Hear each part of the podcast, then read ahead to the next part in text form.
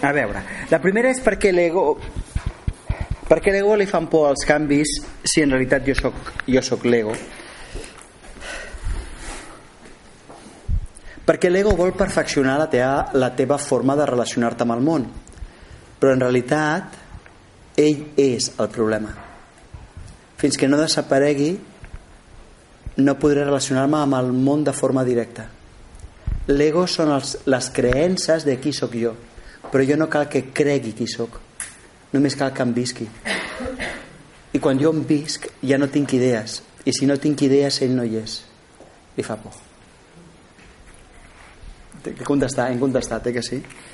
La segona, què pensem del, del, del pensament positiu? És una tècnica molt bona quan el que afirmes és real. És a dir, quan tu eres petita, quan tu eres petit, no perquè siguis tu, sinó perquè la societat és així, van tendir a dir-te una sèrie de coses i adjudicar-te en funció de la teva conducta.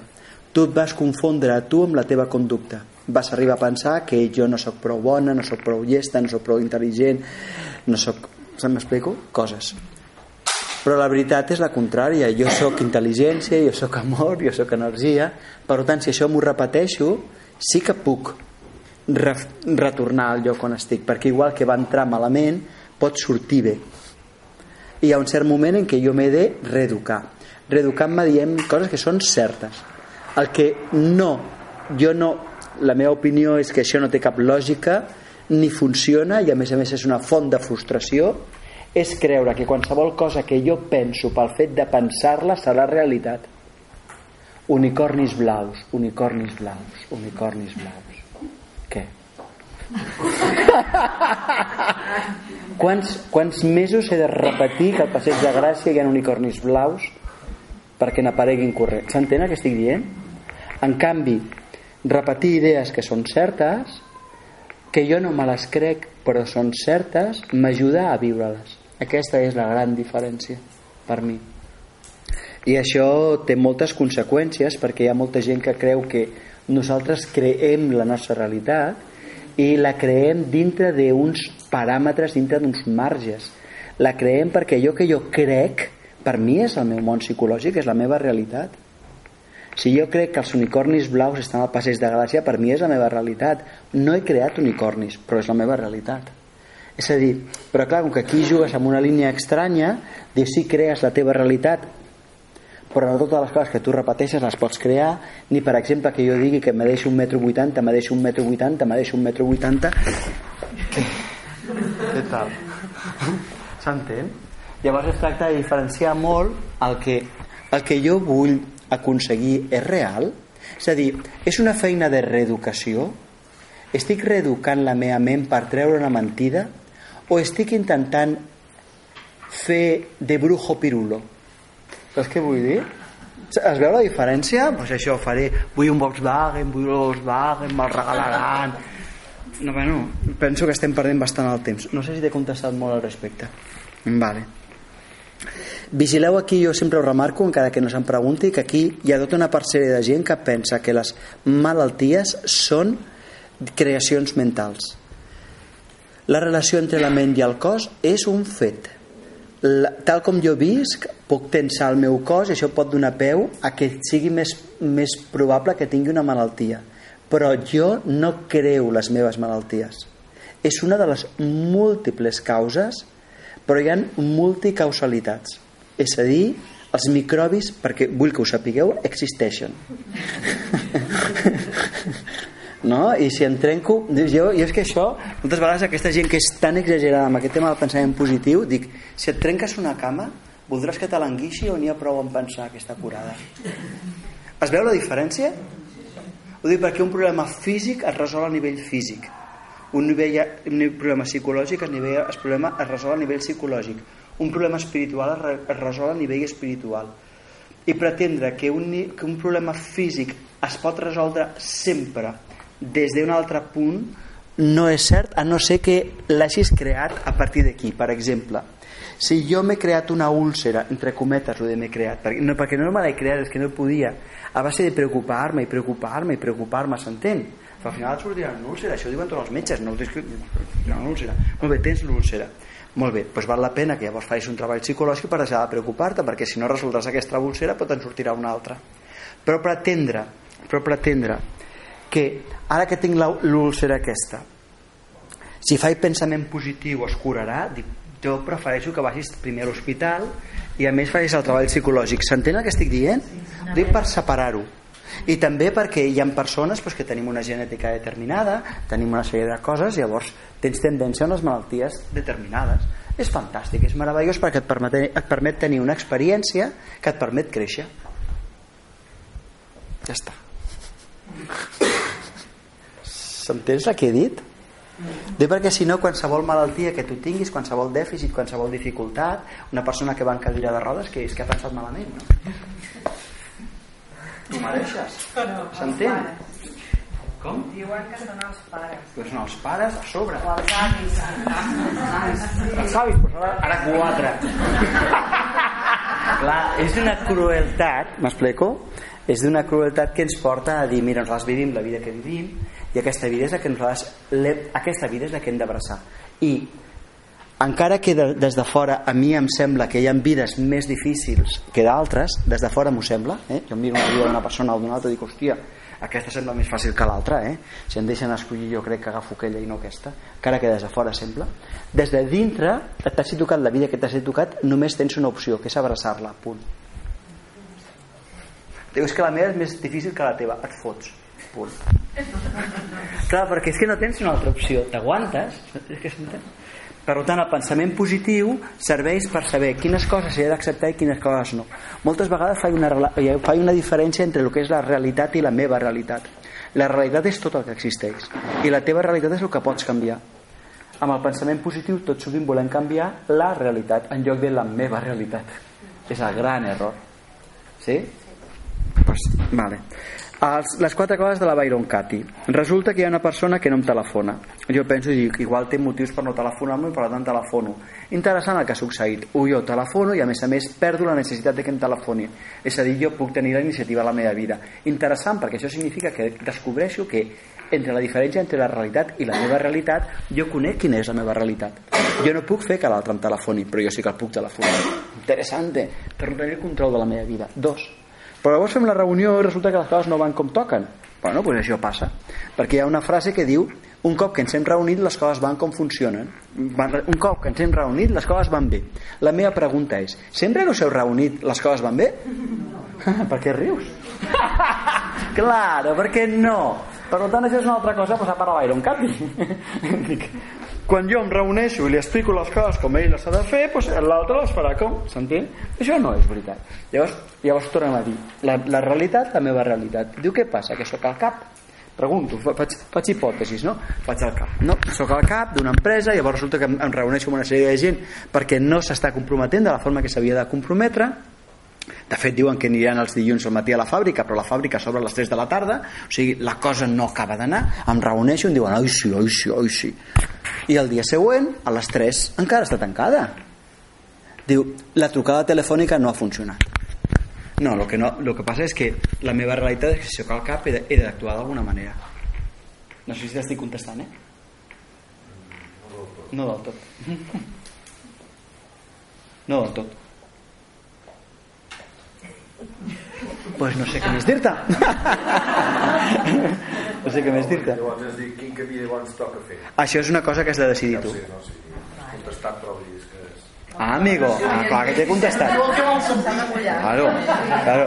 a vegades mireu a vegades jo hi ha persones amb les que no m'entenc i, i ha persones a, a, a nivell professional o d'aquest estil perquè com que has dit que era una reunió de pressupost que era un tema professional. Llavors al, al món professional jo ho, ho tinc molt clar. Dic, hi ha espais on jo he d'obeir i espais on he de manar. S'entén la diferència? llavors en els jocs on jo he d'obeir i la gent que em mana no m'agrada faig una reunió.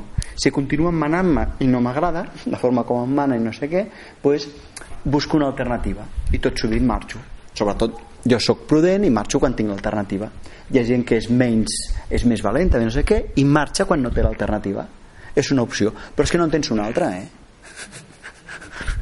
objectivament com que, no, com que tu no manes i els que manen són els altres no t'agraden el que manes o xupes o marxes. Jo crec que el més lògic és marxar si pots busques una alternativa entre mitges. Ara què passa quan és al revés? Quan jo sóc el que mano i, i tinc la paella pel mànec i em toca i és la meva obligació manar i resulta que els altres no. Pues, llavors els altres han de viure les conseqüències. Sí, bueno, en aquest cas penso que em va ajudar perquè penso que ja vaig fer la trucada pensant això que dius home és un senyor gran. N'hi havia ja per acabar amb la Byron Katy preguntaven això de la Byron Katy no s'acaba mai? Pues, mira, la veritat és que no ho sé. Jo crec que hi ha un cert moment on el moviment de la Byron Katy és molt més ràpid o sigui, cada vegada costa menys. El que a vegades, és a dir cada vegada costa menys eh, abordar un tema que abans em trigava mitja hora, tres quarts, una hora, dos dies a pair-lo i ara en un moment dic, ai, ja torno a exigir que em telefoni no? i llavors el deixo caure en qüestió de minuts. Llavors això és més ràpid. També és veritat que a vegades toquem temes molt nuclears. Llavors aquests temes molt nuclears a vegades ens cal tota una reeducació que a vegades dura molt de temps. Perquè un ha estat educat en la creença de que els altres jo què sé, pues, l'amistat, l'amor és d'aquesta manera i es demostra d'aquesta manera. I això ho portes igual fa 30 anys que ho portes. Per tant reeducar-ho trigarà. Pregunta si la Byron Katy fa l'exercici. Ella sempre diu que de tant en tant quan se n'adona que s'ha enganxat a un pensament es torna a fer les quatre preguntes però diu però llavors és molt ràpid és molt ràpid no sé si t'he contestat, eh Sílvia? Sí, és que el que això, problemes de relacions personals però quan no pots, no pots escollir o sigui, amb els familiars, o sigui, la gent que dius, perquè clar, tu sempre pots triar, vull aquesta persona la meva vida o no, però hi ha vegades que no pots triar, que està allà. Voldria dir que dels familiars podem triar tots, excepte els fills fins que arriben als 18 anys. I de fet podríem triar els fills si, i ara el que diré és una mica bestiota, nosaltres podríem triar els fills també si en un cert moment vas al jutge i demanes que es quedin la pàtria potestat i et quedes una estona, et quedes unes setmanes, et quedes uns mesos, fins que l'Estat assumeix la pàtria potestat o un familiar teu, una persona en la que confies, assumeix aquella pàtria potestat. No és veritat que nosaltres estiguem obligats a suportar ningú. Jo, vull...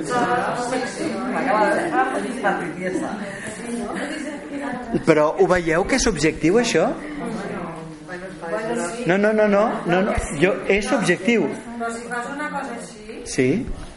Tota la família la tens en compte. Vull dir, ah, però no, no ho puc ni imaginar. Però si la veritat... Clar, jo, jo, jo, jo, te- jo entenc el que estic dient, el que esteu dient, eh?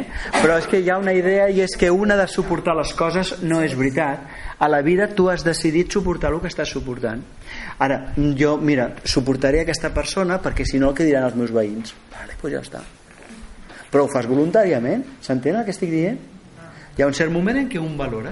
Tota la meva família es posarà en contra, però, bueno, doncs ells tenen dret a posar-se en contra, és que tenen dret. Tenen dret a dir que el que jo estic fent és terrible. Tenen dret. Tenen dret a que ells diuen, pues jo no vull la pàtria potestat de teus fills i ets una mala mare. Diu, i jo no la vull. Diu, pues jo tampoc, i per això els estic portant aquí a l'Estat, que no ho veus. Diu, pues ets una mala mare, sí, ja ho ets, ja. Aquí- Si coneixes algun cas especial, ho entens. I, I aquí lo fonamental és entendre, és entendre que tu no estàs mai obligat a fer res, eh? que aquesta és una fantasia nostra. I aquí la reeducació mental és bàsica. Clar, jo, jo estic obligada a aguantar el meu pare perquè em va cuidar durant tota la infantesa. No és veritat. Quants, quants fills hi ha que no cuiden els seus pares? Ara. Això té un cost. S'entén el que estic dient? Llavors, ah, pues, home, si el vols cuidar, el cuides. Si no el vols cuidar, no el cuides. Però no juguis a aquest doble joc d'enganyar-te que l'estàs cuidant perquè estàs obligat però ell no s'ho mereix, però jo... Saps què vull dir? M'estàs paiant la vida. Hòstia, Sí, a més a més. Claro. Diu, o vols o no vols? Mira, allí hi ha un asilo, tira que te va. Diu, ah, no vols ser un monstre? Bueno, pues, s'entén? Posem les coses així. Clar, és que ens enganyem. Per això la màquina aquesta que us regalaré avui d'autoobservació és genial. Perquè veus que estàs criticant aquest per sentir-te bé. A vegades critiques el, el pare, jo estic aquí sacrificant, diu, ai, m'estic fent la santa. Saps què vull dir? M'estic... Llavors dius, vale. I és molt interessant quan vas veient totes aquestes mentides. Perquè no et puc deixar, perquè si no... I l'altre diu, què vol dir que no et puc deixar? Eh, la càmera aquesta és terrible. Llavors, eh, hi havia una persona que deia quan despertes, quan connectes amb lo profund, no hi ha pensament, no, no hi ha pensament, hi ha comprensió, hi ha visió. Immediatament després dius, ai, ara estava veient, ara no estava pensant, ho he fet bé, llavors aquí hi ha pensament. I ha sortit del tema eh, que, que hem contestat. Sí? Si només et penses o et I si només et penses és una part del treball. Estàs començant a entrar però no, encara no s'ha entrat. És com aquell que va amb la bicicleta de, sense rodetes i cau. És que no sé si estic pensant-me, si estic sentint-me, si què. Hi ha moments que no estic, no? Eh, no ho sé, una cosa que podeu fer i us ho suggereixo és que quan feu l'exercici el descriviu. M'estic sentint així. Ho estic vivint així. No, és després, no, no ho facis al lavabo. Sinó, sinó després. És que... Sí, sí. Aviam, què noto? I estàs pensant... Exacte, aquí ja ha sortit. Però després, si em vols escriure, he fet l'exercici, ho estava vivint d'aquesta manera, llavors sobre el concret serveix per tothom. Saps què vull dir? Jo comento coses. D'acord? Llavors, mm, hi ha una persona que va ben encarada i tres que no, a diu. O quatre que no del grup que éreu. Bueno, doncs ja ho vau dir. Jo, jo, jo ho vaig dir, no? Eh que vaig dir que no se sortiria? És que on està la novetat de la pregunta? la novetat de la pregunta està en què fa ràbia. També sabia. Què, què, què? Que vas dir que encara que no sortís serveix. Ah, clar que serveix, serveix, perquè un se n'adona que no mana. Un se n'adona que ho està intentant, llavors ell intentar algun dia sortirà. El dia que sortirà no depèn de tu. De què depèn? No ho sé, de lo gran, del nombre d'intents, de lo gran que sigui el pot, de lo, de lo ample que ho tinguis ja ple, igual et falta una única gota, igual està tot buit i tens un pot així, vas tirant una goteta i dius, què tal, què tal? Diu, encara no, segona!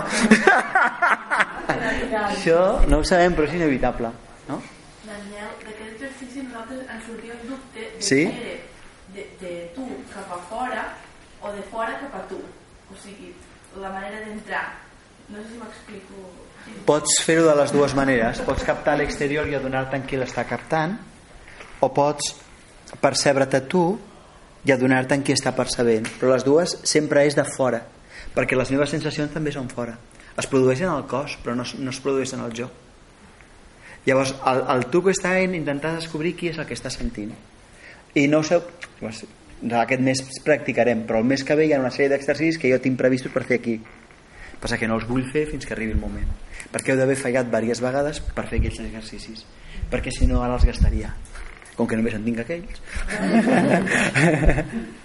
D'acord. Llavors, una persona deia hem de centrar-nos en la sensació? No, hem de centrar-nos en el jo que percep la sensació. No és el gust de la pasta de dents, sinó qui se n'adona que aquesta pasta de dents és mentolada. Qui se n'adona? Qui ho percep? Ara m'esteu escoltant, no? Ara m'esteu sentint. Qui se n'adona del significat d'aquestes paraules? Hi ha un jo que l'està captant.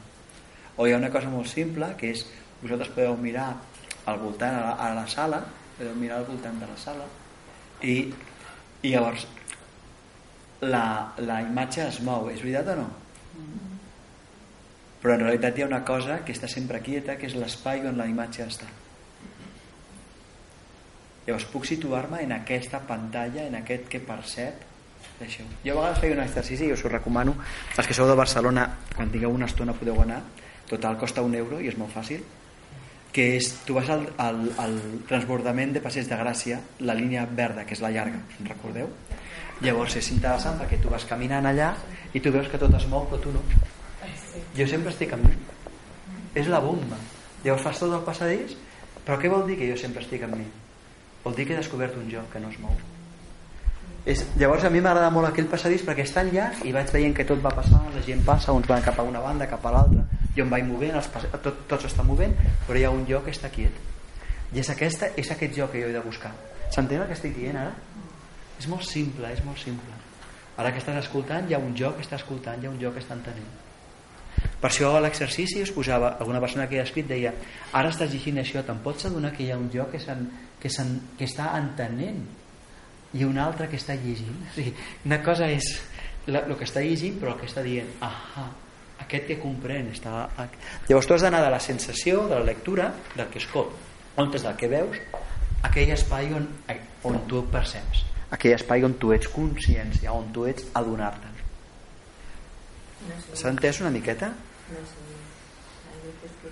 Ah, claro. Hi ha dies que és difícil, que no No, surt... no, que no. No.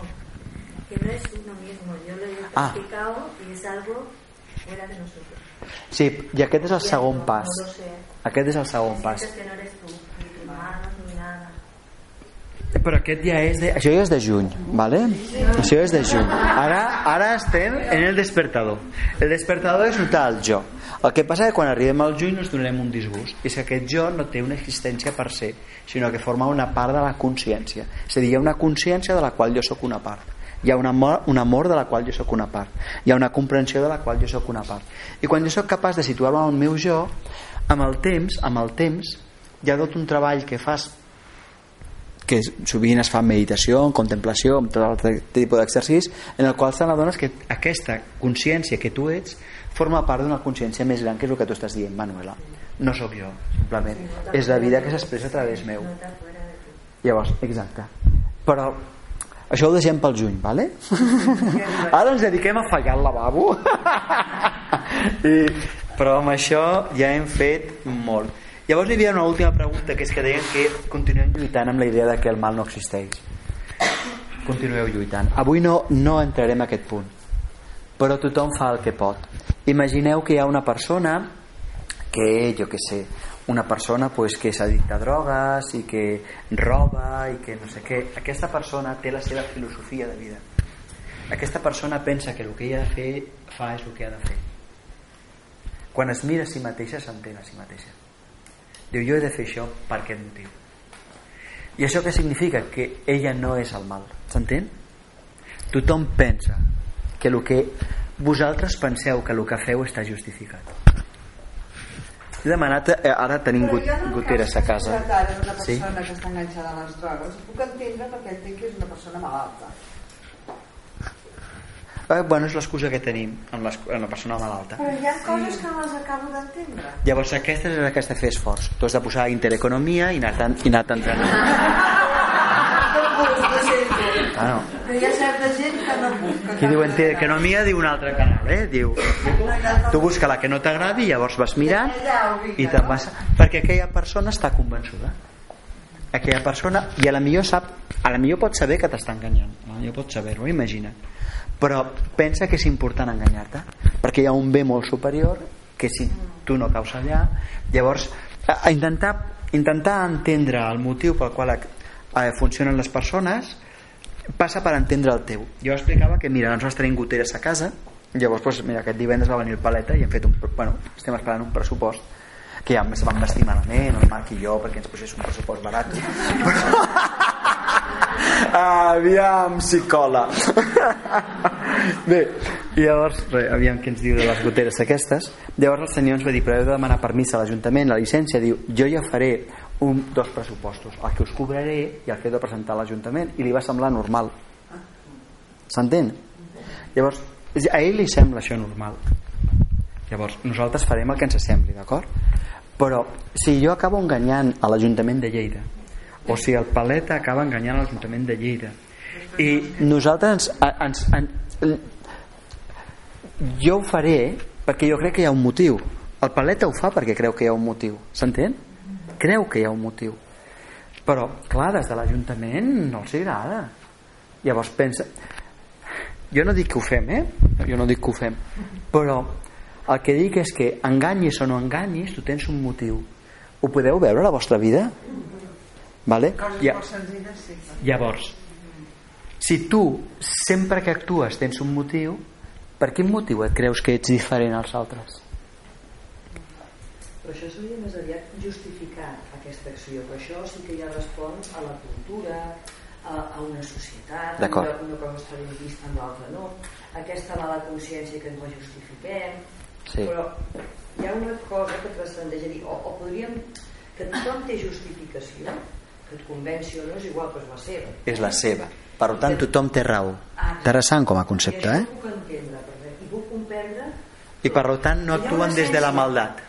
No, clar, no. Doncs pues llavors, ja Hi ha un resultat. Sí. Jo em refereixo més aviat Oh, tant. resultat quin nom li posem, l'efecte de, no Oh. la justificació que tot, tot entén. Jo dic moltes vegades que danyen o que és el resultat de la ignorància. Sí, d'acord. però o sigui, el resultat és un fet que el dimoni existeixi és un altre o sigui, jo nego l'existència del dimoni, del diable, del mal, s'entén? Hi ha un mal que, és, que té una essència, una ontologia, té una, té, una, té una existència per ser. No és veritat.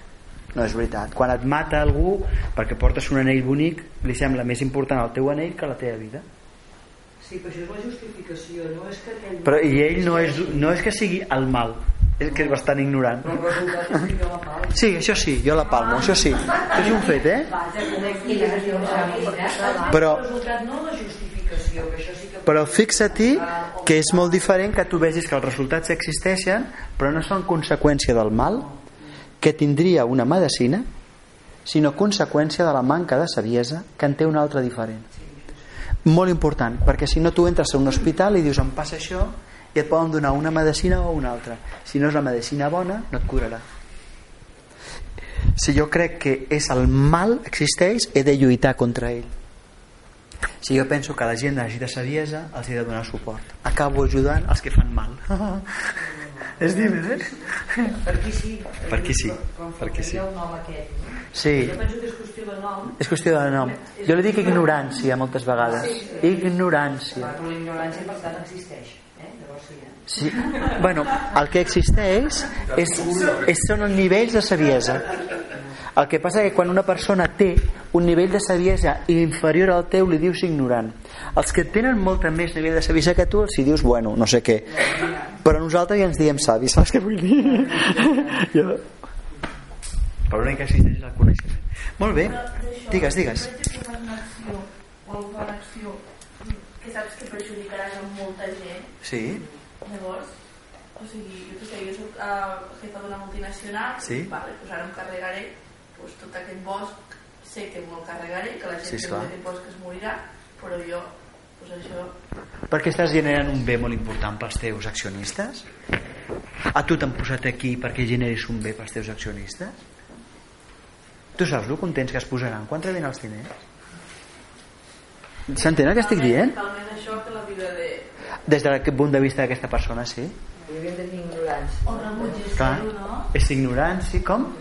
O rebutges fer-ho. Si... Sí, però si rebutges, sí, si rebutges fer-ho, també ho fas per uns motius determinats que no, que no us podeu imaginar d'aquí 500 anys, la gent que ens mirarà a nosaltres, que ens veurà com, com goril·les i com a traçats i com a cruels i com a tot. Què som? Nosaltres som monstres? No, som bona gent amb un nivell d'ignorància. Ja està, aquest és el tema. Els altres també, el que passa que hi ha gent quan tu estàs a quart curs de primària et costa molt entendre que un nen de tercer no sàpiga dividir. Llavors estàs al seu costat i quan no sap dividir t'emprenyes i